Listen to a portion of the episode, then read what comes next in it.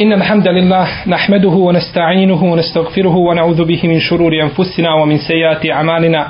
من يهده الله فهو المهتدي ومن يضلل فلن تجد له وليا مرشدا. وأشهد أن لا إله إلا الله وحده لا شريك له. وأشهد أن محمدا عبده وحبيبه وصفيه من خلقه ورسوله. يا أيها الذين آمنوا اتقوا الله حق تقاته ولا تموتن إلا وأنتم مسلمون. يا أيها الناس اتقوا ربكم الذي خلقكم من نفس واحدة. وخلق منها زوجها وبث منهما رجالا كثيرا ونساء. واتقوا الله الذي تساءلون به والأرحام. إن الله كان عليكم رقيبا. يا أيها الذين آمنوا اتقوا الله وقولوا قولا سديدا. يصلح لكم أعمالكم ويغفر لكم ذنوبكم ومن يطع الله ورسوله فقد فاز فوزا عظيما أما بعد فإن أحسن الكلام كلام الله وخير الهدي هدي محمد صلى الله عليه وسلم وشر الأمور محدثاتها وكل محدثة بدعة وكل بدعة ضلالة وكل ضلالة في النار Draga moja braćo, uzvišeni Allah Želešanuhu je stvorio ljude različite. Stvorio ih je sa različitim svojstvom, svojstvima i osobinama. Stvorio ih je različite u njihovom umnom i fizičkom pogledu. Pa tako ne možemo naći dva čovjeka da su isti i da se slažu u svim stvarima. Od davnina ljudi su se razilazili razilazili se u svome materijalnom, političkom, ekonomskom, a posebno u vjerskom životu. Mi živimo danas u vremenu kada su se povećala razilaženja među muslimanima i nesuglasice. Ta razilaženja su možda danas veća nego ikada što su bila. Ne možemo ih pravdati time što su se prije ili prijašnje generacije što se razilazile pa da pravdamo naša razilaženja i naše sporove time. Ali možemo pravdati to Allahovim sunnetom jer je Allah Želešanu htio da se ljudi razilaze i da ne budu jeli, jedinstveni. I to je od njegovog hikmeta subhane i od njegove mudrosti. I zato mi muslimani moramo tražiti danas odgovor u Kur'anu i sunnetu u našim, u našim razilaženjama. Kad se raziđemo, i ne možemo se dogovoriti šta da činimo, onda je obaveza da se vratimo Allahu Želešanu i njegovom poslaniku, alaihi salatu veselam, i da kod njih zatražimo odgovor za naš spor. I u tome se, u tom se kontekstu navode brojni ajeti i hadisi poslanika, alaihi salatu veselam. Osnova je, braćo, da je ovaj umet jedan umet, da je jedinstven, da živi u slogi i zajednici. Kaže Allah Želešanu, وَإِنَّ هَذِهِ أُمَّتُكُمْ أُمَّةً وَاحِدًا wa ana rabbukum fa'budun ovaj vaš ummet je jedan ummet jedinstven ummet a ja sam vaš gospodar pa me obožavajte i Allah Đelešanu je pogrdio razilaženja i nesuglasice pa kaže ولا تكونوا من المشركين من الذين فرقوا دينهم فكانوا شيعا ولا تكونوا من المشركين من الذين فرقوا دينهم وكانوا شيعا kullu hizbin bima ladejhim ferihun. I nemojte biti kao mušrici koji su pocijepali svoju vjeru. I bili su raznorazne frakcije i sekte. I svaka od tih partija i od tih skupina je bila zadovoljna s onim na čemu je i smatrala je da je ona na istini, na haku, da je ona na onome što je ispravno. Ovaj ajet se čita po drugom krajetu wala تَكُونُ مِنَ الْمُشْرِكِينَ min alladine fareku dinehum.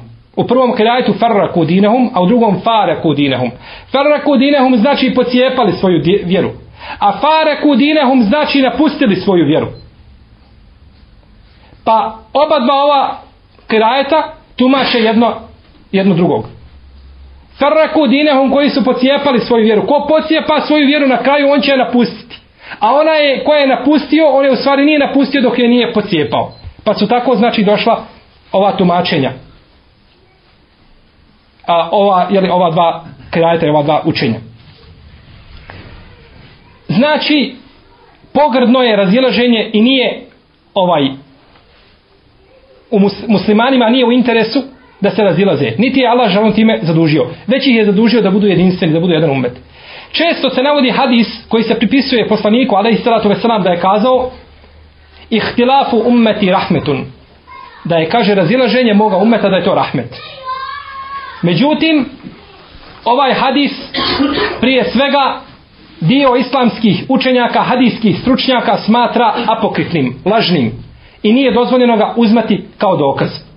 Kaže Ibnu Hazm kaže kada bi ovaj hadis bio ispravan i kada bi razilaženje bio rahmet onda bi kaže ujedinjenje i sloga bilo nešto što je suprotno rahmetu. I tako se razumije. Ako je razilaženje među muslimanima rahmet onda je sloga muslimana pogrdna stvar. Jer to stoji nasuprot jeli rahmeta. Tako da je osnova da muslimani budu jedinstveni i da se jeli ne razilaze. Mi ćemo večeras uz Allahovu pomoć govoriti o razlozima i etiki razilaženja u islamu. Budući da smo spominjali nešto o vezano za sticanje širijatskog znanja, kakve su odlike širijatskog znanja i kakva je nagrada onima koji se pouče nečemu širijatskog znanja, govorit ćemo o jednoj stvari koja mora neminovno da se dešava po Allahove dželšanu odredbi i njegovom kaderu, a to je razilaženje među islamskim učenjacima i među muslimanima. Govorit ćemo o razlozima razilaženja zbog kojih su se razišli islamski učenjaci i ovo ćemo predavanje podijeliti u dva dijela zbog toga što je opširno. O razlozima, znači razilaženja, s jedne i govorit ćemo o etiki tog razilaženja s druge strane. Prvo, draga moja braćo, šarijatski propisi se dijele u dvije vrste. Prvo, ono na čemu su se složili islamski učenjaci. Eliđma. Složili su se svi konsensus islamskih učenjaka na nekom pitanju. Bilo da se radi o fikskom ili o kajitskom pravnom pitanju. Složili su se da je to tako. Tu nije dozvoljeno nikome da se suprostavlja tome i da govori suprotno tome. Ako se islamski učenjaci u jednoj generaciji slože na nečemu, da je nešto vađib ili da je nešto sunnet, nije dozvoljeno nakon tome da dođe neko iz E, kasnijih potonjih generacija pa da kaže nije to tako, to je ovako. Jer se umet ne može složiti na dalaletu. Pa umet kad se složio na primjer da je sabah namaz vađib fard, nije dozvoljeno nikome nakon toga da dođe i da to ovaj spusti na neki niži stepen. I tako u pogledu bilo koga pitanja. Kada se slože islamski učenjaci, to se mora preti. I, I to je dokaz. Kaže Allah Želešanuhu ومن يشاقق الرسول من بعد ما تبين له الهدى ويتبع غير سبيل المؤمنين نوله ما تولى ونصله جهنم وساءت مصيرا onaj kaže ko bude se suprotstavio poslaniku sallallahu alejhi ve sellem i nakon što mu bude pravi put objašen i bude sledio put mimo puta pravih vjernika to jeste kad se svi ovaj vjernici slože na jednom putu i na jednom pitanju onda nije dozvoljeno nikome da govori suprotno tome To je iđma, to je konsensus islamskih učenjaka. I tu nije dozvoljeno nikome znači da priča suprotno i da negira to i tako da je da dolazi sa nekakvim novim postavkama. Islamski učenjaci su ovaj vodili računa o konsensusu i pisali o tome, napisana su e, dijela o tome. Najpoznatija dijela su Meratibul Iđma od Ebu Muhammeda ibn Hazma El-Endalusija El-Vahirija e, e, pravnika jedne e, vahirijske ili bukvalističke pravne škole koji je umro 456. hijđarske godine. Potom, prije njega je pisao Ibnul Munzir, Enejsaburi, koji je umro 318. hijđarske godine, ima svoju knjigu El Također, šehol Islam Ibn Tejmija ima Naktul Iđma, koji je umro 728. hiđarske godine. Naktul liđma, koja je vezana za knjigu Merativ liđma od Ibn Hazma, ona se zove Naktu Merativ liđma, i ima savremenih dijela kao Meusuatu liđma ili Islami, a, enciklopedija islamskog konsensusa od savremenih učenjaka. Znači, kada dođe, dođemo do jednog pitanja na kome se islamski učenjaci složili, to se mora slediti, po tome se mora raditi i nije dozvoljeno govoriti suprotno tome. Drugi, druga strana jeste pitanja kod koji su se razišli islamski učenjaci. Postoje razilaženja. Nisu jedinstveni, nisu složni i nemaju jednoglasno mišljenje i jednoglasan stav. Ova vrsta se dijeli u dvije vrste ova vrsta gdje se islamski učenjaci razišli dijeli se u dvije vrste. Prvo, prva vrsta čije je razilaženje čije se razilaženje ne može prihvatiti. Gajru sa'ih. Ne može se prihvatiti nikako. I nije validno. I druga, drugi dio jeste čije se razilaženje može prihvatiti i mora se jeli, prihvatiti. Draga moja braćo, prije što čovjek ovaj ustvrdi da se da je nastalo razilaženje među islamskim učenjacima, neophodno je da bude to prenošenje tih razilaženja ili vijesti koje se navode u pogledu tih razilaženja da budu ovaj potvrđene i da budu jeli, ispravne. Jer će čovjek po, možda ponekad kazati jedan priča tako ili jedan učenjak je kazao tako i tako. Kada ispitaš i pitaš ga odakle ti to, ko je to prenio da je taj taj šejh ili daja ili učenjak kazao to i to, kaže priča se. Narod priča. A kaže ono što narod priča ili je bilo ili će biti. I slično tome. Ono što narod priča možda je bilo, možda će biti, a možda nije bilo, a možda neće biti. Znači to ne može biti dokaz. I nije dozvoljeno čovjeku da kaže samo narod priča i da to uzme zdravo za gotovo i da po tome radi. Znači mora provjeriti 100%. Jel? Jer čovjeku nije dozvoljeno da pripiše nekom džematu ili nekoj organizaciji ili nekoj ustanovi da kažu tako i tako, da čine to i to i pripiše to njima svima, a to možda čini jedan od njih. Pa na primjer ima jedna organizacija ili jedna ustanova, jedan džemat, ima desetine svojih učenjaka. I jedan od tih učenjaka je kazao to i to. Nije dozvoljeno to pripisati cijelom tom džematu, nego kaže šta i taj iz tog iz tog džemata je kazao tako i tako. Nema smetnje. No međutim, pripisati to svima nije dozvoljeno, jer će čovjek biti pitan na sudnjem danu. Svaki od otih sledbenika iz tog džemata će se okačiti čovjeku na vrat na sudnjem danu i govoriti ti si meni pripisao da sam ja rekao to i to. Na primjer, neko dozvoli iz neke organizacije muziku, jedan učenjak. Kaže da je muzika dozvoljena da se sluša. I sada čovjek kaže ti i ti kažu da je dozvoljeno. Na sudnjem danu će svaki od ti tražiti svoj hak od tebe. I pitaće tebe zašto si rekao to i to, a ja to nisam kazao. To je kazao on i on je fetvu izdao za sebe, nije za mene. Ja ga ne sledim u tome. A ti si to pripisao mene zbog čega? I odgovarat ćeš zbog toga. Pa da čovjek ne bi tako skončio na sudnjem danu, onda da bude znači ovaj, da precizno i provjereno govori ko je kazao šta i od koga je prenio i kako je prenio. I da budu riječi precizne. Riječi da budu precizne. Braće, ova vjera i ovaj din je precizna vjera. Ne može se raditi samo da ide da se radi, ne. Nego se mora raditi precizno i mora se raditi iskreno i mora ono što se kaže, mora biti znači argumentovano i mora biti na svome jeli, mjestu. Ovdje možemo također kazati da ima svijeta koji čuju vijest pa je ne mogu zapamtiti onako kakva je. Čuje nešto, pa kaže, desilo se tako i tako i priča. I odmah četiri, pet ljudi koji sjede tu prisutni kaže, nije tako bilo, će bilo ovako. Potpuno je to izmijenio. On čuje da je neko rekao Omer. Pa zapiše Amr. Pa pročita Amir. A drugi je onaj koji ga sluša razumije u Meir. Ništa ni sačini. Znači nema te povjedljivosti i nema te preciznosti u prenošenju vijesti i u prenošenju onoga što se čulo. Znači mora biti precizno da prenese šta je neko kazao i jeli, kako, je, kako je to kazao. Potom je neophodno da se odredi tačno gdje je razilaženje nastalo. U kom dijelu nekog fiksko-pravnog pitanja ili akajskog i tako dalje. Gdje je tačno da se uspostavi dijagnoza razilaženja.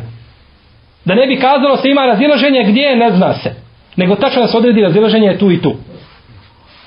Jer ponekad će razilaženje, braćo, djelovati da je razilaženje, a nije. Jer islamski učenjaci možda govore o dvije slične mesele i dva slična pitanja, a neko to smatra da je jedno, pa kaže oni se njih dvojica razilaze. A nema razilaženja među njima. Nego se razi znači o dvije različite mesele i dva različita jeli, pitanja.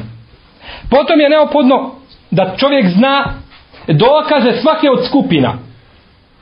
Ima islamski pravnici se razišli po nekom pitanju. Moraš znati dokaze svake skupine čime su dokazivali. Jer islamski učenjaci braćom ne slijede svoje strasti. I nisu nikada govorili svojih prohtjeva. I moraš znati znači dokaze jedni i drugi i treći. I nije ispravno čovjeku kazati ono što sam prvi put čuo, to je, to je najjače mišljenje. I nema nakon toga ništa više. To je pogrešno. Jer si možda prvi put čuo pogrešno. Da čuješ dokaze druge strane, možda bi se ubjedio njegove dokaze i prihvatio njegovo mišljenje. I tako su radili islamski učenjaci.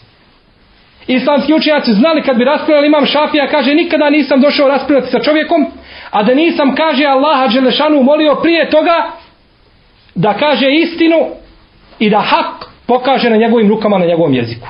Da on bude taj koji će reći istinu, a da ja budem taj koji ću izgubiti. Kod nas možda kad bi raspravljali sa nekim kažemo, prije što dolazimo da ruku, gospodar moj, ponizi ga danas. I tako dalje. Ne, imam šafija je kaže, neka kaže, Allah Žešanu pokaže istinu i hak na njegovim rukama. I neka on bude sahibul hak. Neka on bude taj koji je na istini. I ne samo to, islamski učenjaci su znali sjesti i raspravljati jedan sa drugim, svaki ima svoje mišljenje. I na kraju rasprave šta se desi, zamijenu se za mišljenje. Ovaj uzme mišljenje ovoga, ovaj uzme mišljenje ovoga. S dokazima koje su gledali. Jer su islamski učenjaci došli da raspravljaju zašto? Da bi došao do istine. Nije došao da raspravlja da se priča i da se on spominje kako se on raspravlja. Nego je došao traži istinu i onda se zamiju njih dvojica za mišljenje i onda mogu nakon toga opet polemisati ali sada svaki sa mišljenjem svoga jeli, ovoga sahiba. Potom je neophodno znati dokaze svake od skupina.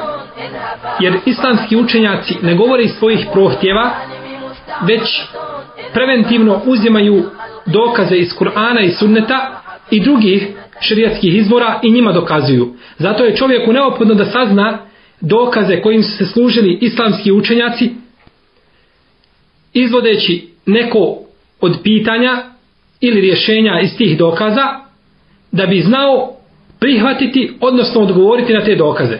Pa čovjek ponekad kada sazna dokaze jedne od skupina možda će prihvatiti njihove dokaze i postupiti po njihovom mišljenju jer će se ubijediti da je to istina i da je to jeli, hak.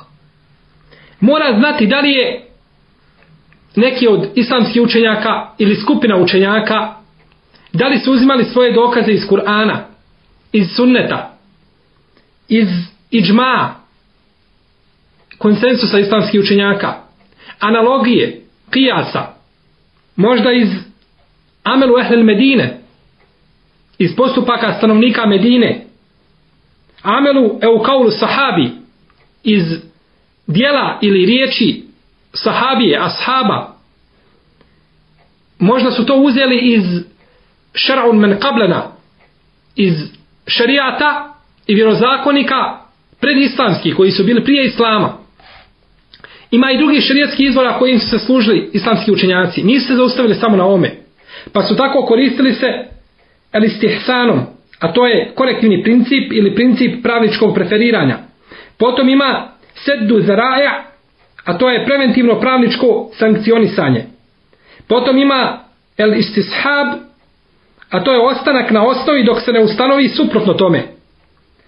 Potom ima el masalihul mursele, a to je opća korist ili javni interes. Potom ima urf, a to je običajno pravo.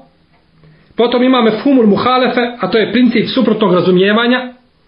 Potom ima elaklu selim, zdrava logika, zdravo razmišljanje i slično tome. Znači islamski učenjaci imaju nekoliko izvora iz kojih su crpili svoje dokaze. I zato je neophodno čovjeku da zna iz kojih su izvora uzeti dotični dokazi da bi mogao da ih jeli prihvati, odnosno da ih odbaci ili da ih komentariše. Nakon toga neophodno je čovjeku da dokaze koje uzima, da ih uzma, uzima direktno od onih koji su ih kazali, iz njihovih originalnih dijela. Nije ispravno čovjeku da uzima šerijetski dokaz, na primjer od imama Šafije, iz knjiga Hambelijskog fika ili Malikijskog fika i tako dalje. Nego treba uzimati dokaze iz dijela šafijskog fikha, u prvom redu iz dijela imama, samog imama šafije, poput knjige El Um, a, poput Muhtaliful Hadis i drugi njegovih dijela. Znači što god može da bude bliži originalnosti. Ako ne može da uzme to od imama direktno, onda će uzeti od njemu najbližih učeni, učenika njegovih koji su prenijeli njegova mišljenja. I tako neće znači udaljavati se od izvora i od osnove osim u nuždi, kada ne može doći jeli, do e, izvornog jel, mišljenja i u originalnim dijelima. Nikako nije dozvoljeno čovjeku da ide i da uzima mišljenja od one strane koja se spori sa tim islamskim učenjacima. Pa na primjer spore se islamski učenjaci hambelijskog i šafijskog a, mezheba oko nekog fiksko, fiksko pravnog pitanja. Nije dozvoljeno čovjeku da uzima mišljenje šafijskih učenjaka iz, Hanefi, iz hambelijskog fikha. Iz knjiga hambelijskog fikha. To nije dozvoljeno jer bi se time činila nepravda. Možda to nije preneseno onako kako se je trebalo prenijeti. Možda su ponekad kazali učenjaci i smatrali da su to dokazi šafijskih učenjaka, u stvari nisu i tako dalje. Najpreće i najbliže istini jeste da se vrati jeli čovjek na originalna izvorna djela. Potom je neophodno znati u očhulisti dlal kako su to islamski učenjaci dokazivali neku meselu ili neko pitanje iz određenog šerijatskog dokaza. Kakav je način i put kojim su koristili taj argument sebi kao dokaz. Jer islamski učenjaci se braćo ponekad ne spore oko ispravnosti nekog šerijatsko-pravnog argumenta. Poput ajeta, na primjer, ili hadisa koji se nalaze u dva sahiha kod Buharije i kod muslima. Svi se slažu da su ajeti ispravni, tu nema raziloženja. A tako isto i u pogledu dva sahiha smatraju da ono što je u njima da je vjerodostojno.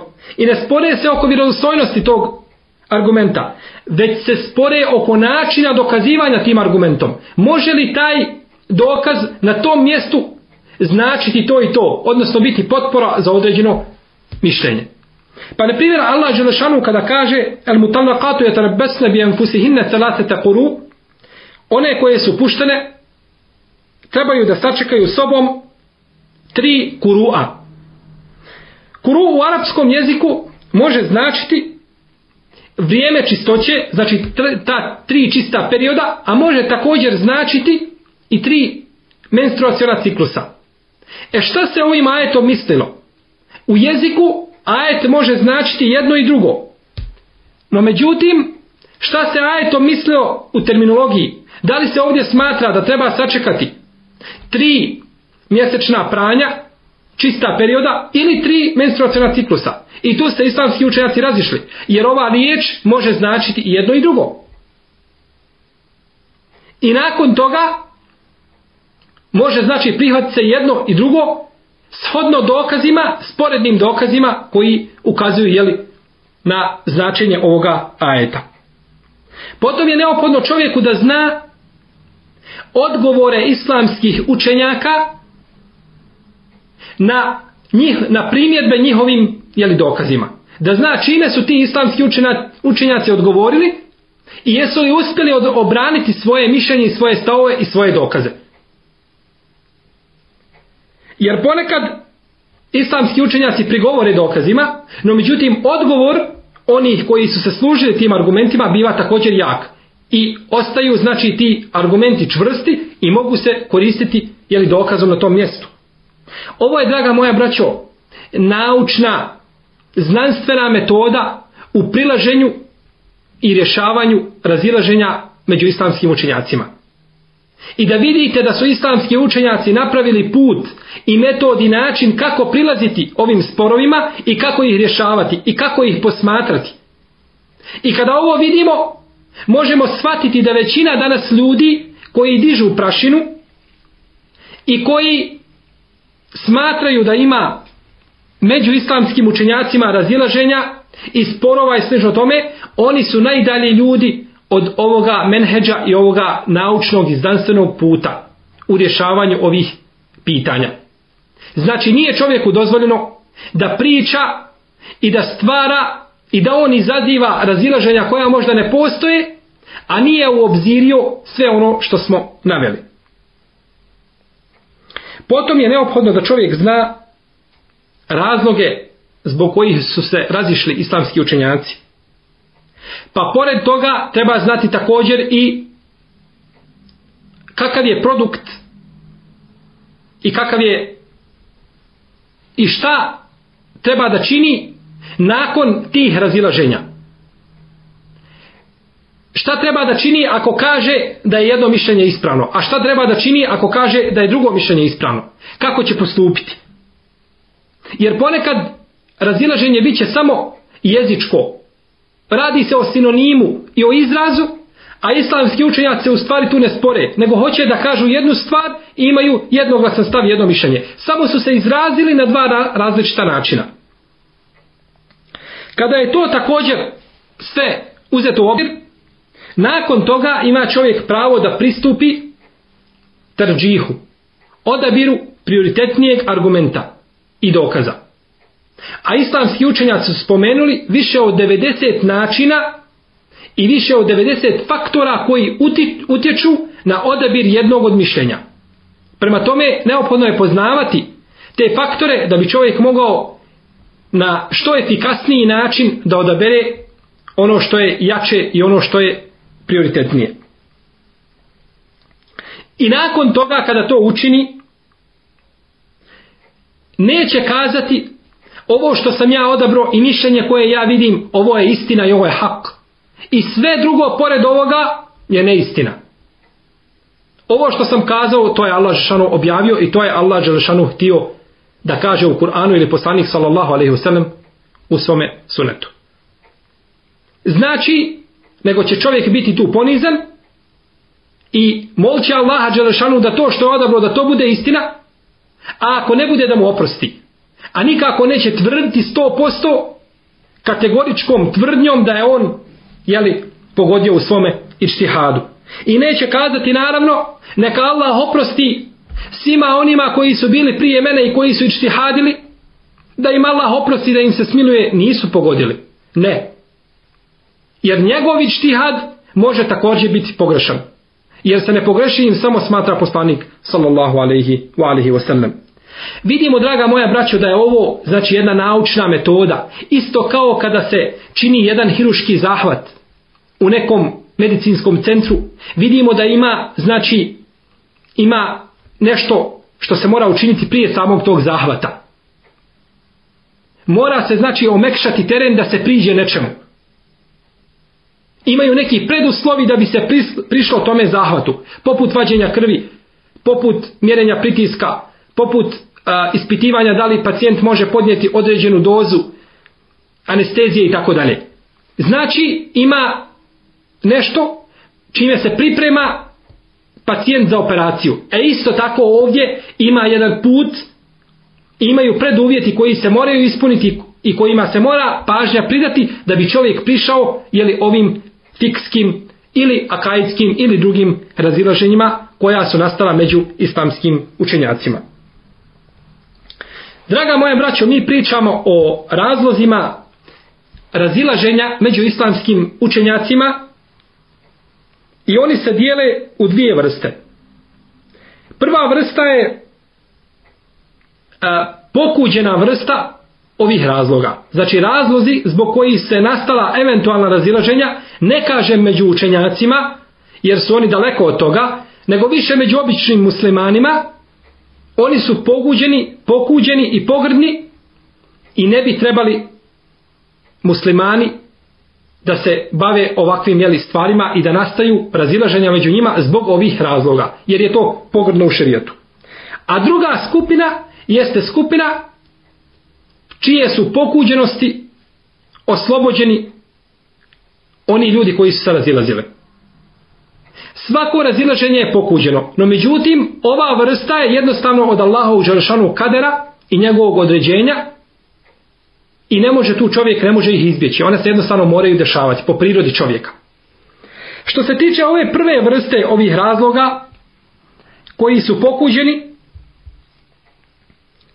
prvi razlog jeste da čovjek bude opčinjen sam sobom i zadivljen svojim mišljenjem. Smatrajući da je ono što čini ili ono što je kazao ili uradio, da to niko drugi ne može uraditi. Samo on to može učiniti. Sam sobom zadivljen. Nema znači one poniznosti koju je imao Allahov poslanik, alaihi salatu wasalam. Sjetite se samo primjera kada je onaj Beduin došao Allahovom vjerovjesniku, alaihi salatu wasalam, pa ga uhvatio za njegovu kragnu, za njegovu odjeću, pa kaže, ja Muhammed, a'tini min malillah. Kaže, o Muhammede, daj mi, kaže, od Allahovog imetka. Poslanik, sallallahu alaihi wasallam, najbolji Allahov rob na zemlji. Prilazi mu jedan beduin i kaže mu, obraća mu se sa ja Muhammed. Allah Đelešanu nigdje u Kur'anu nije kazao ja Muhammed. Niti se obratio tako Allahom poslaniku, alaihi sallatu wasallam. Kako se je samo Allah Đelešanu, stvoritelj svih svjetova i stvoritelj poslanika sallallahu alaihi sallam obraćao sa vjerovjesnikom alaihi sallatu wasalam. Pa mu kaže ja juhan nebi. O vjerovjesniče. Nikada ga nije pozvao po imenu. Jeste Allah Đelešanu pozivao druge vjerovjesnike i poslanike po imenu. Pa kaže ja Nuh. I drugi, no međutim nikada nije kazao ja Muhammed. Taj čovjek, taj beduin koji je prišao Allahovom poslaniku, alaihi salatu veselam, kaže mu daj mi od Allahovog imetka. Kao hoće, ka, hoće kao da kaže nije to tvoje o Allahov poslaniče. To ne pripada tebi, daj mi nešto od toga. Pa poslanik sallallahu alejhi ve sellem kada je to vidio i to čuo, osmijehne se i kaže a'tuhu hatta yarda. Kaže dajte mu sve dok ne bude zadovoljan. Dajte mu koliko god želi. Vidimo tu poniznost. Pa poslanik sallallahu alejhi ve sellem je bio najpreči da mu grubo odgovori da ne bude ponizan u ovoj situaciji. No međutim vidimo poniznost Allahovog poslanika alejhi salatu ve selam. Drugi razlog jeste a, želja da se čovjek pokaže i da se istakne pred svijetom. Jednostavno želi da on bude taj o kome se govori, o kome se priča i koji se spominje. Pa ponekad onda namjerno se suprostavi i namjerno pravi ta razilaženja samo da bi se on spomenuo i da bi se u njega prstima upiralo i tako dalje. Na primjer, imamo neko fiksko pitanje. Svi islamski učenjaci se složili na njemu da je njegov propis takav i takav. I imaju dokaze iz Kur'ana, iz Sunneta i iz konsensusa islamskih učenjaka. Dođe s druge strane nekakav talibul ilm, nekakav učenik koji je nešto stekao širijskog znanja i kaže ja se ne slažem s otim. Ne slažem se sa konsensusom islamskih učenjaka i ja imam drugi stav po tom pitanju. Pitamo ga dobro, živ bio, šta su tvoji dokazi? Kaže, nemam dokaza, ali ja smatram da je to neispravno. On nema nikakve osnove, niti da stvara ta razilaženja, no međutim, hoće to da učini da bi se pokazao pred svijetom i da bi se istaknuo. I to je jako pogrdno. Jednom je jedan beduin došao i učinio je malu nuždu u zemzem. Kada su ga upitali, u bunar, znači zemzem, kod Kjabe, kada su ga upitali zbog čega si to učinio o Allahovu robe, kaže, htio sam ući u istoriju. Htio sam da se moje ime zabilježi u istoriji. Pa je tako nešto učinio.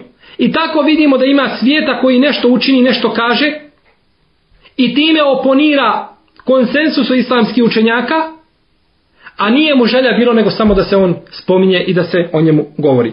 Znači, bio je a, općinjen sobom i želio je da se izraži, izrazi i da se dokaže pred svijetom. Dok ashabi recimo nisu bili takvi. Sjetimo se samo primjera Ebu Bekra kada je trebao da bude halifa, kada su ga muslimani odabrali. Pa kaže, izabrali ste me, a ja nisam najbolji. Ima među vama boljih od mene. Nije htio da to prihvati, nije mu bila, bila želja, niti cilj da se on pokaže i da se dokaže pred svijetom. Ne. Već je jednostavno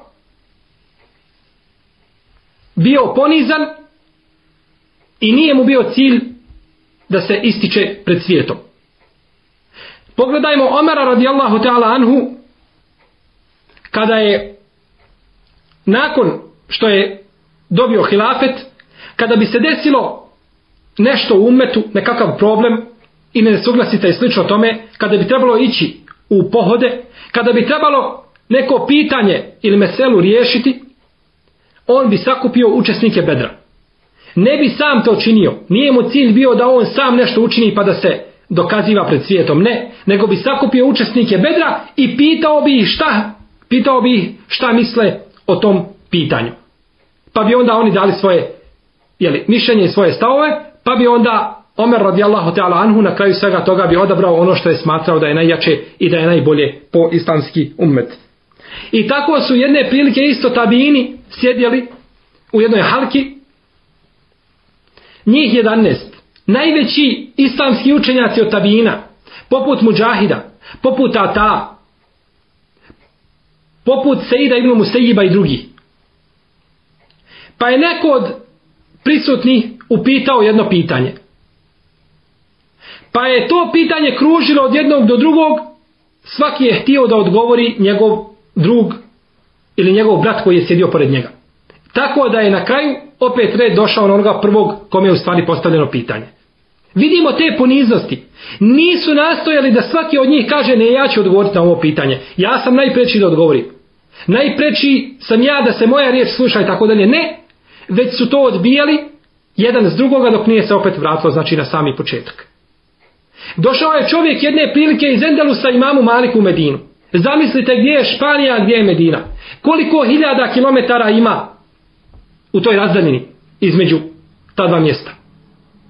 Došao je jašući na devi, ne autom, niti avionom. Pa je postavio imamu Maliku 36 pitanja. Odgovorio imam Malik na četiri pitanja. A na 32 nije. Kazao je ne znam.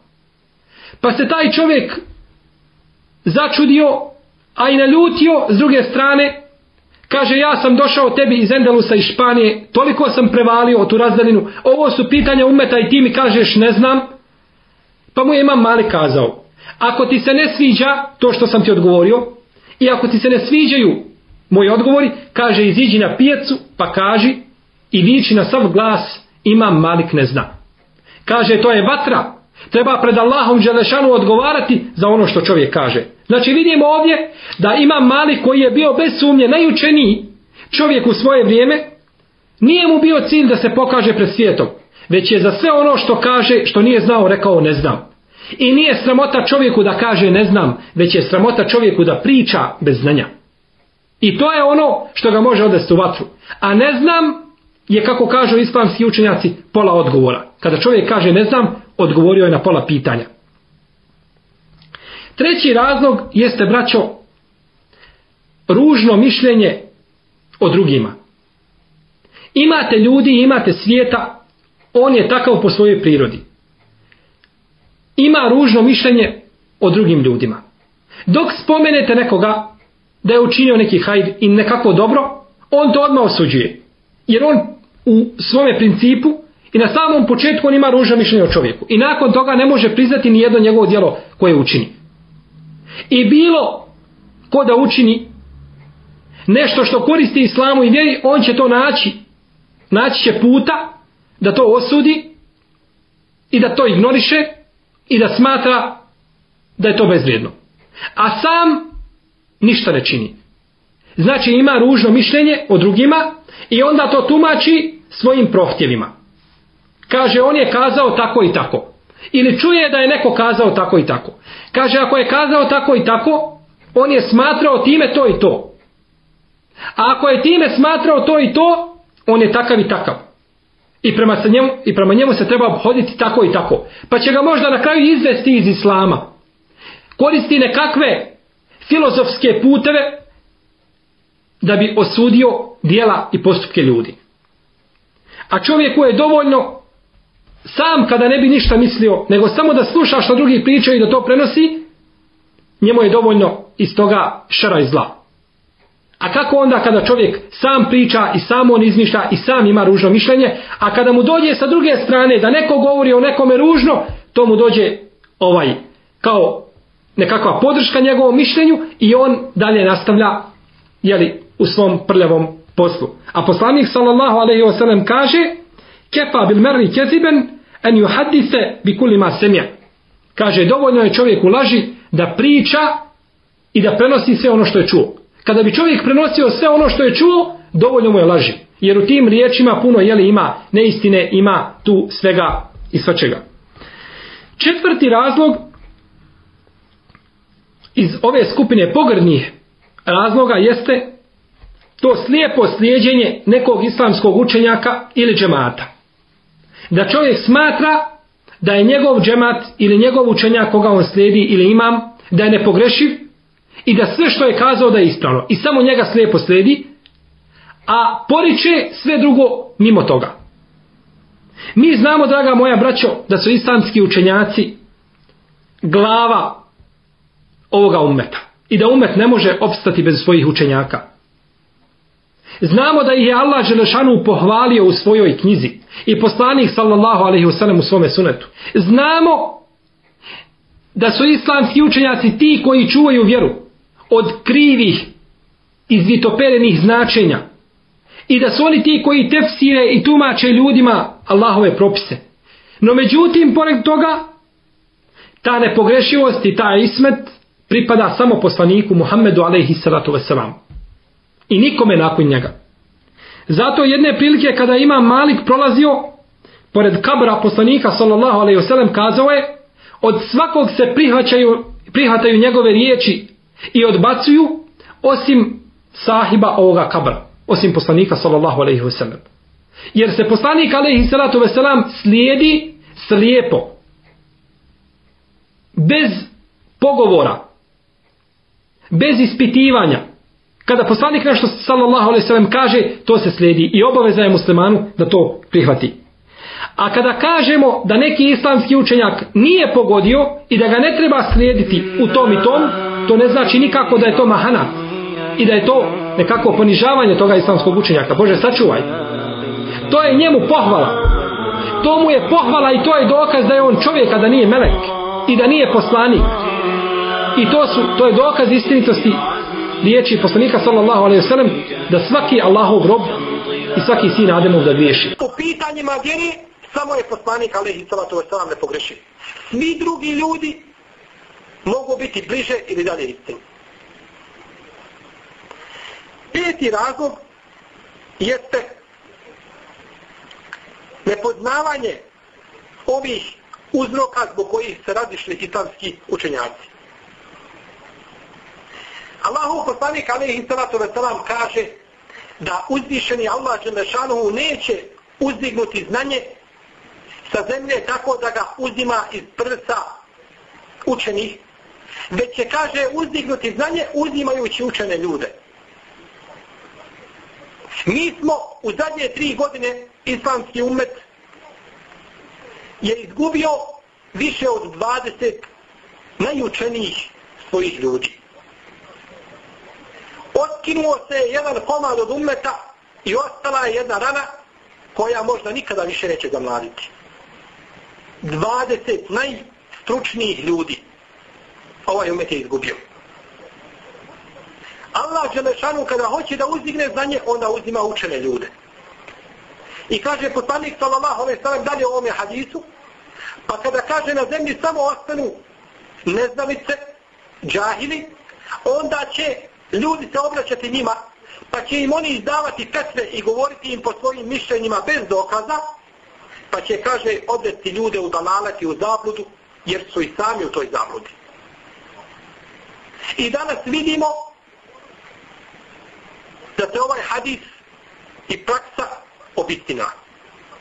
Svako priča o vjeri i svako govori.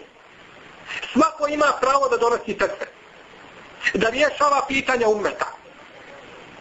A vjerujte, draga moja braćo, da ušute oni koji ne znaju, da bi nestalo mnogo toga od razilaženja i od nesporazuma i nesuglasica koji danas vladaju među muslimanima. Samo da ušute oni koji ne znaju.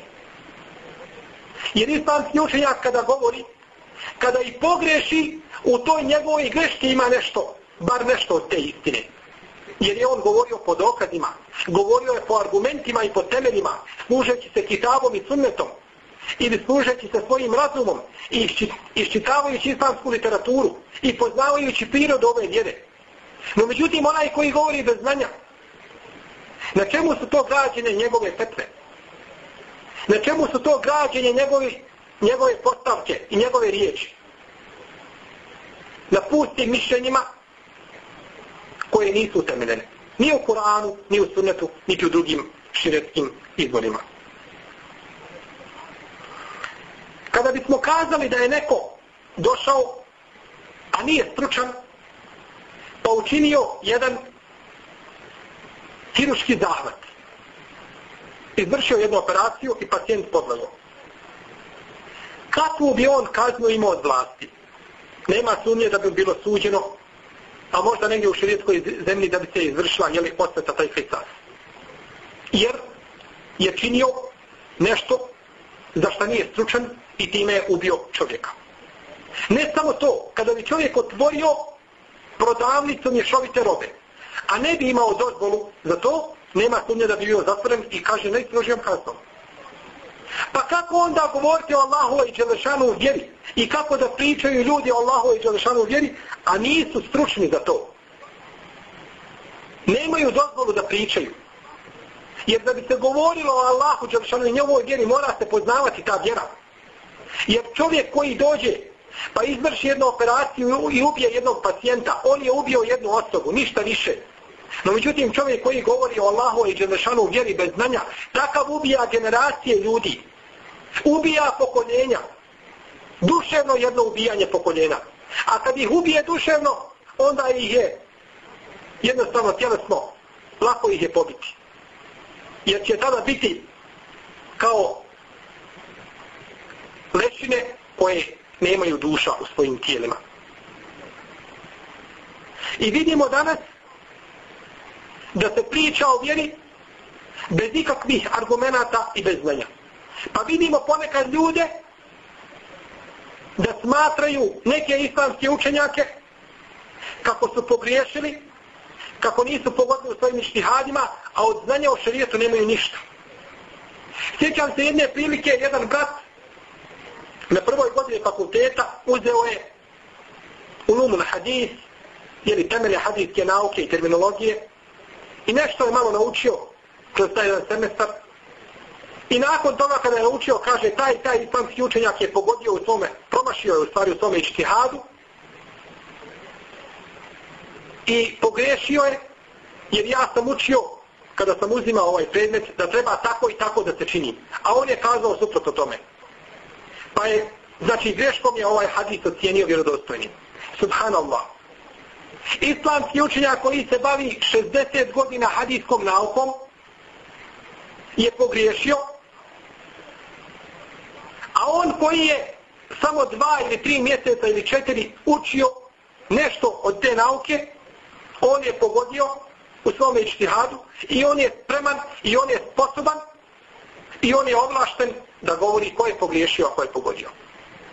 Znači vidimo u što se ljudi upuštaju. Bez znanja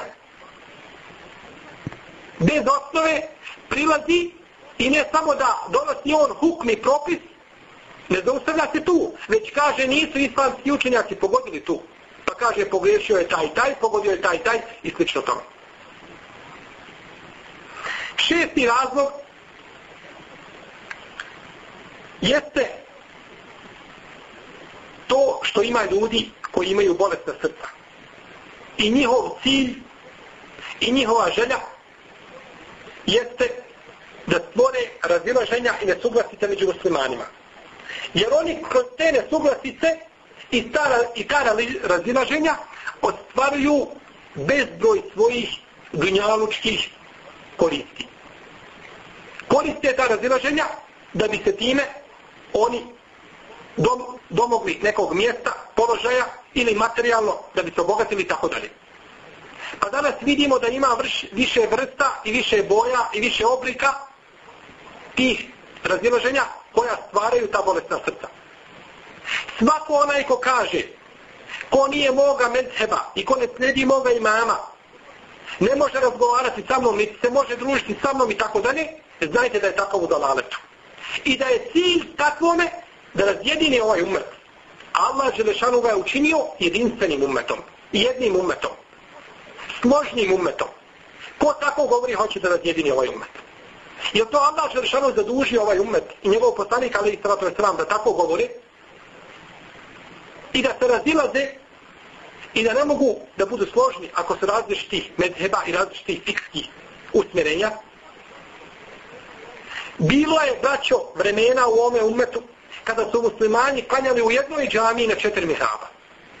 Pa u jednom uglu vidite klanjaju hanetijski učenjaci i hanefijski jeli sredbenici. U drugom šafijski, u trećem malikijski, u četvrtom ambelijski. I svako kada je za svoga imama. Čak je jedno vrijeme bilo da su jedni učenjaci smatrali da ne mogu klanjati za drugih. Jer kaže, učenjaci te pravne škole smatraju da čovjek koji dotakne svoju ženu gubi abdest. A drugi ne smatraju tako. Pa kaže, ja koji smatram da to gubi abdest, ako stanem da klanjam iza onoga koji smatra da to ne kvari abdest, onda je moj namaz pokvaren. Jer je on možda zatakao svoju ženu i ostao je bez abdesta, po mome mišljenju, a ja klanjam iza takvog čovjeka, pa ako klanjam iza čovjeka koji nema abdesta, moj namaz nije valjan, nije, nije priznat. I onda neće da klanja iza njega. Ne samo to, već su išli da učenjaci iz jedne pravne škole ne mogu ženiti žene ili ljudi jeli, iz jedne pravne škole da ne mogu ženiti žene koji nisu njihovog mezeba, koji su pripadili drugoj tome školi. Pa je došla nakon toga jedna generacija pa kažu može može znači ženti šafija hanefiku analogno tome što je dozvoljeno šafiji da oženi židovkinju ili kršćanku. Pa kaže, ako mu je dozvoljeno da oženi židovkinju ili kršćanku, neka bude mu dozvoljeno da može i oženti i. I tako dalje. Tako je stanje vladalo ove umetu. A do toga je dovelo, znači, dovela su ova bolesna srca neka koja su željela da naprave razilaženje u islamskom umetu i među muslimanima. I zato kažemo, muslimani su jedan umet i jedan narod i svako onaj ko ima akaj zehmu sunnata od džemata ulazi u ovu skupinu. I nije dozvoljeno muslimanima da zbog nekakvih fikskih razilaženja koja su poznata od davnina, koja su možda mogla se naći, klice tih razilaženja se mogle vidjeti i u vrijeme ashaba, nije dozvoljeno da se zbog toga stvara razdor među muslimanima i da ne prihvataju muslimani jedni druge i da se razjedinjuju. Nego moraju biti složni i moraju biti jedinstveni. Ovo bi bilo u pogledu ovih pogređenih razloga zbog kojih se nastala razilaženja među muslimanima, opet kažemo ne među islamskim učenjacima, jer islamski učenjaci nisu ovaj, niti su smatrali ovako nešto, niti su zastupali, niti su pozivali tome. S druge strane imamo razloge, opravdane razloge koji su doveli do razilaženja među islamskim učenjacima. I ovi razlozi jednostavno dešavaju se po Allahu i Đelšanu odredbi. I ne mogu ih muslimani izbići. Kaže šehhul Islam ibn Tejmije u komentaru riječi Allaha Đelešanuhu o Davuda o Suleiman iz jahkumani fil harz iz nefešet fihi hanemu l'qavm o kunna li hukmihim šahidin fefehemnaha Suleiman wa kunna nadejna hukmen wa ilma. Kaže, i kada su Davud i Suleiman sudili u jednom hukmu, jednu su presudu činili, jer su ovce od jednog muslimana ušle u poljoprivredna dobra drugog muslimana, pa to opasla i tako dalje, pa je presudio Davud a.s. na jedan način. Kada je taj čovjek vratio se od Davud a.s. Suleiman ga je pitao kako je presudio Davud. Kaže, presudio je tako i tako. Kaže, kaže Suleiman a.s. da sam ja sudio, moja bi presuda glasila ovako. Pa kaže Allah Želešanu, se fehemnaha Suleiman. I mi smo Suleimana ovdje poučili. Suleiman je ovdje bio bliži svojim hukmom i svojim sudom nego Davud a.s. Okule nate na hukmeru ilma, a ovo dvojice smo mi dali, jeli da mogu oni pravedno da sude i dali smo im a, znanje. Kaže šehol Islam Ibn Taymiye u komentaru ovoga ajeta, ovo su, kaže, dva Allahova poslanika, vjerovjetnika, koji su sudili. I razišli su se u svome hukmu i u svome ištihadu. Nisu imali, znači, jedinstven stav. Pa kaže šehol Islam, ako su se dva poslanika razišla, onda je priče da se dva obična muslimana raziđu. Ili dva učenjaka i tako dalje.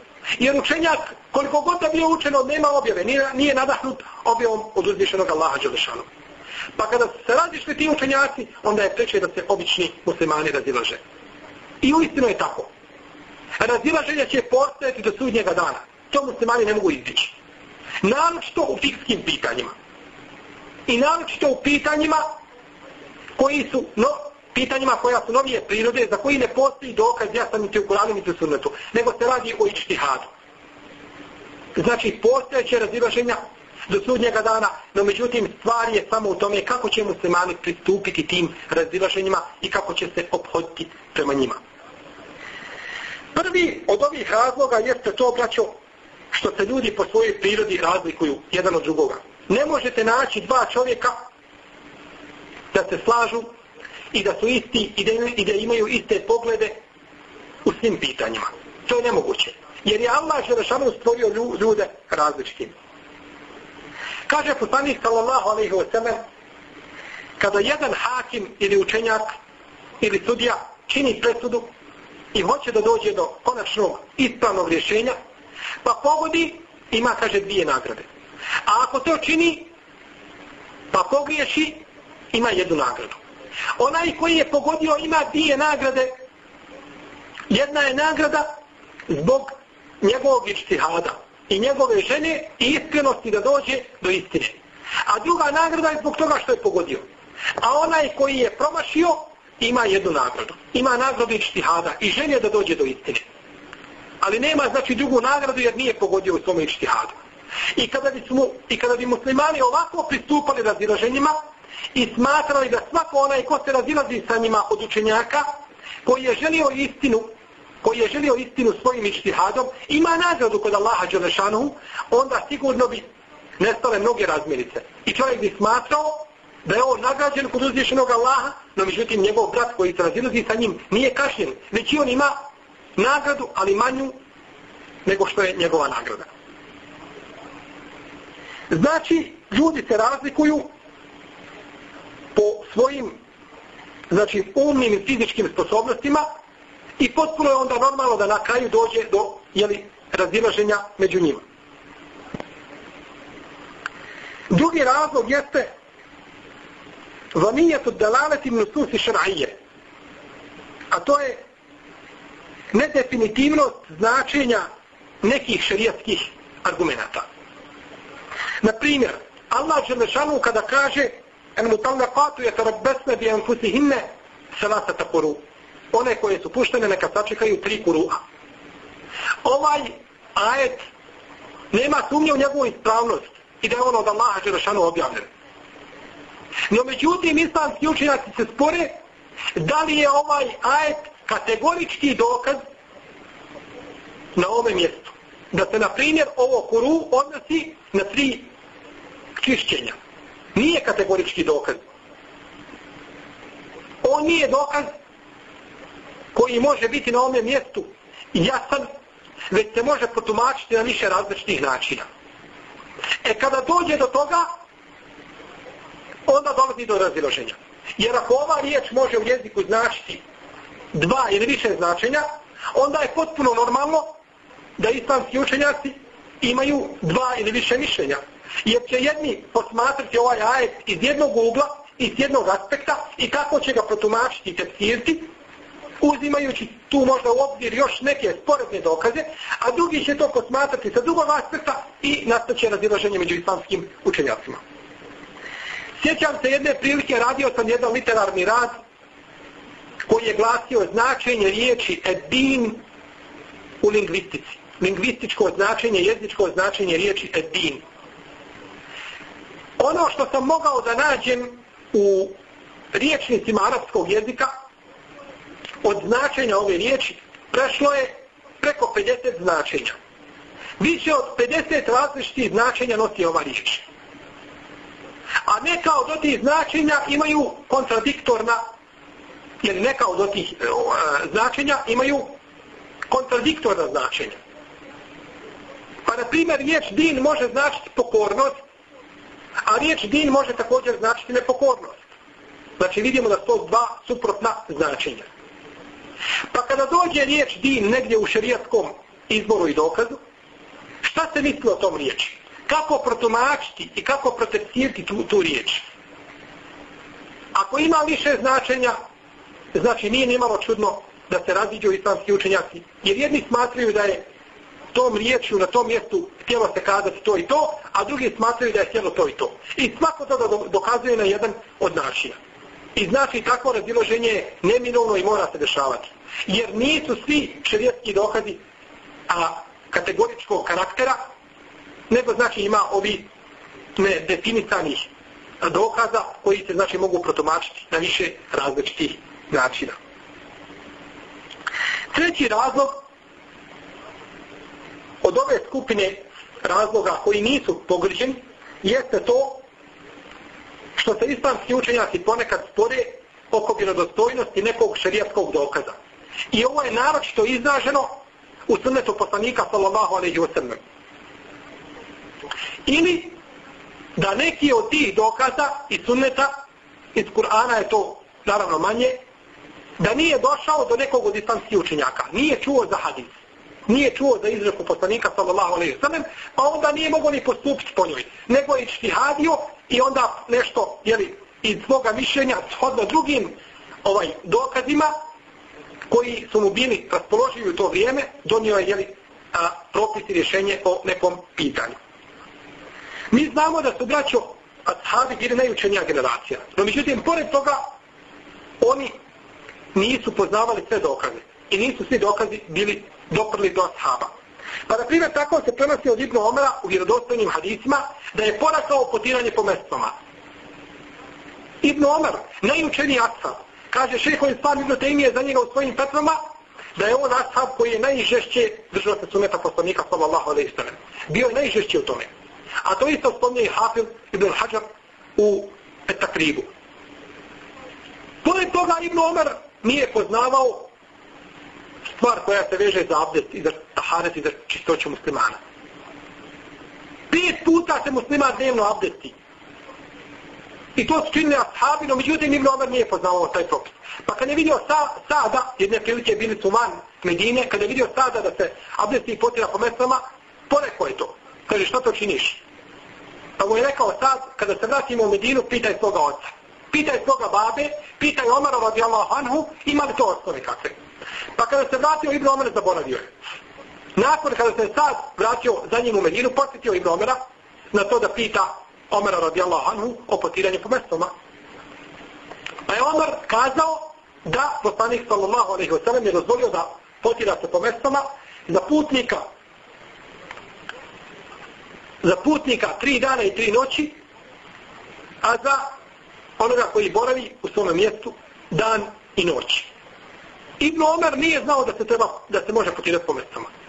Također Ebu Horeira radijallahu ta'ala anhu je porekao da onaj ko ostaje džunup nakon iz e, uh, svitanja zore može postiti taj dan. Smatraju da onaj ko ostane džunup neće postiti taj dan, ali će ga postiti nakon. Pa je Aisha radijallahu ta'ala anha kada je to čula, kazala je Allah se smilovao Ebu Horeiri. Poslanik sallallahu alejhi ve sellem je ustajao nakon svitanja zore, džunup, pa bi se okupao i nastavio svoj post.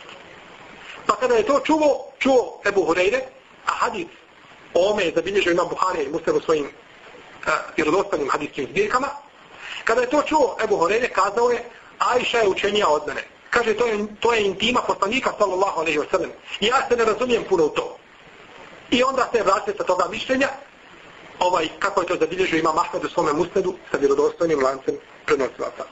Vidimo znači da nisu ashabi poznavali sve hadite i sve propise. Također Omer radijallahu ta'ala anhu, kada jedne prilike izišao u Šam, pa je čuo da je u Šamu zavladala epidemija. Pitao je ashabe šta da čini. Da li da nastave put ili da se vrate. Pa su neki bili da se nastavi put, a neki su bili da se vrate nazad. Pa je Omer radijallahu anhu odlučio da se vrate u Medinu. Kada je to čuo Ebu Ubejde, kaže, o vladaru pravovjerni, zar ti to bježiš, kaže, iz Allahove odrede? Pa mu je rekao Omer radijala Hanhu, kamo sreće ja Ebu Ubejde da je to kazao neko drugi? Kamo sreće da ti to nisi kazao? Kaže, bježim iz Allahove odredbe u Allahu odredu. Kuda to čovjek može pobjeći ovaj, iz Allahove odrede? Pa kada se vratili u Medinu, pitali su u Medini da li je neko čuo nešto od poslanika sallallahu alaihi wa sallam o ovome. Pa je kazao Abdurrahman ibn Auf, čuo sam ja, kaže poslanika sallallahu alaihi sallam da je rekao, i da sam ja tom bi taun bi ardin tala tedhulu alaihi. O iza waka wa entum bi ardin tala tahruđu minha firaren minhu. Kaže, čuo sam poslanika sallallahu alaihi sallam da je rekao, kada kaže čujete da je kaže u nekoj zemlji u jednom mjestu zavladala epidemija, kaže nemojte kaže ulaziti u to mjesto. A kaže ako zavlada u tom mjestu u tom mjestu, a vi se nalazite u njemu, nemojte, kaže, izlaziti iz tog mjesta bježeći od epidemije. Vidimo da većina ashaba nije poznavala ovaj hadis. Svi ashabi koji su bili sa Omerom, od Ensarija i Muhađira nisu poznavali ovaj hadis. Jer bi kazali ga Omeru, ovaj, kada je pitao ih o njihovom mišljenju. Niko to nije poznavao, nego je ostalo to kod Abdurrahmana ibn Aufa. Također, prenosi se od Ibn Omara da je kazao žena kada se kupa nakon svoga mjesečnog ciklusa, mora, kaže da rasplete svoje patenice. Pa je rekla Aisha radijallahu ta'ala anha, subhanallah, Allah se smilao Ibn Omeru. Kupala sam se sa poslanikom i nisam rasplitala svoje patenice, niti mi je on naredio da to čini. Znači vidimo da Ibn Omer nije poznavao ovaj propis. Jer je to bila intima Ajše radijallahu ta'ala anha. I ona je, znači, budi kamo bila učenja u ovim stvarima. Također, draga moja braćo, razilaženje može nastati među islamskim učenjacima u ovoj oblasti kada se islamski učenjaci raziđu oko vjerodostojnosti nekog od prenosilaca hadisa. Može se desiti da jednog te istog raviju, jednog te istog prenosilaca, prenosilaca hadisa, da ga jedna skupina učenjaka smatra pouzdanim, a druga ga smatra nepouzdanim. I onda se desi razilaženje među njima.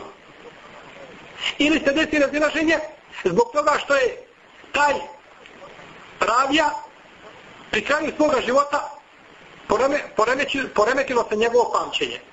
Pa je jedan dio islamskih učenjaka smatrao da je određeni dio hadisa taj ravija kazao prije no što mu se poremetilo pamćenje. A drugi je smatrao da su ti hadisi izrečeni, izrečeni nakon poremećaja pamćenja toga ravije. Pa je tu došlo do razilaženja među njima. Znači, razilaženje nastane zbog toga što se različuju islamski učenjaci da li je jedan preosioc hadisa pouzdan ili nije. I zato nemaju ni drugi, ni jedni ni drugi jasnih argumenta, jer su oni živjeli nakon njega. Možda desetine ili stotine godina pa se desi spor i razilaženja jeli, među njima. Ovdje u ovoj skupini ima i drugih znači razloga zbog kojih se različili islamski učenjaci koje ćemo nastaviti nastavit ćemo o njima govoriti u našem narednje, narednom izlaganju moleći Allaha Želešanu da nas pouči našoj vjeri da nam da svako dobro da nas pouči kako da se ponašamo i kako da se obhodimo sa pitanjima oko kojih se spori.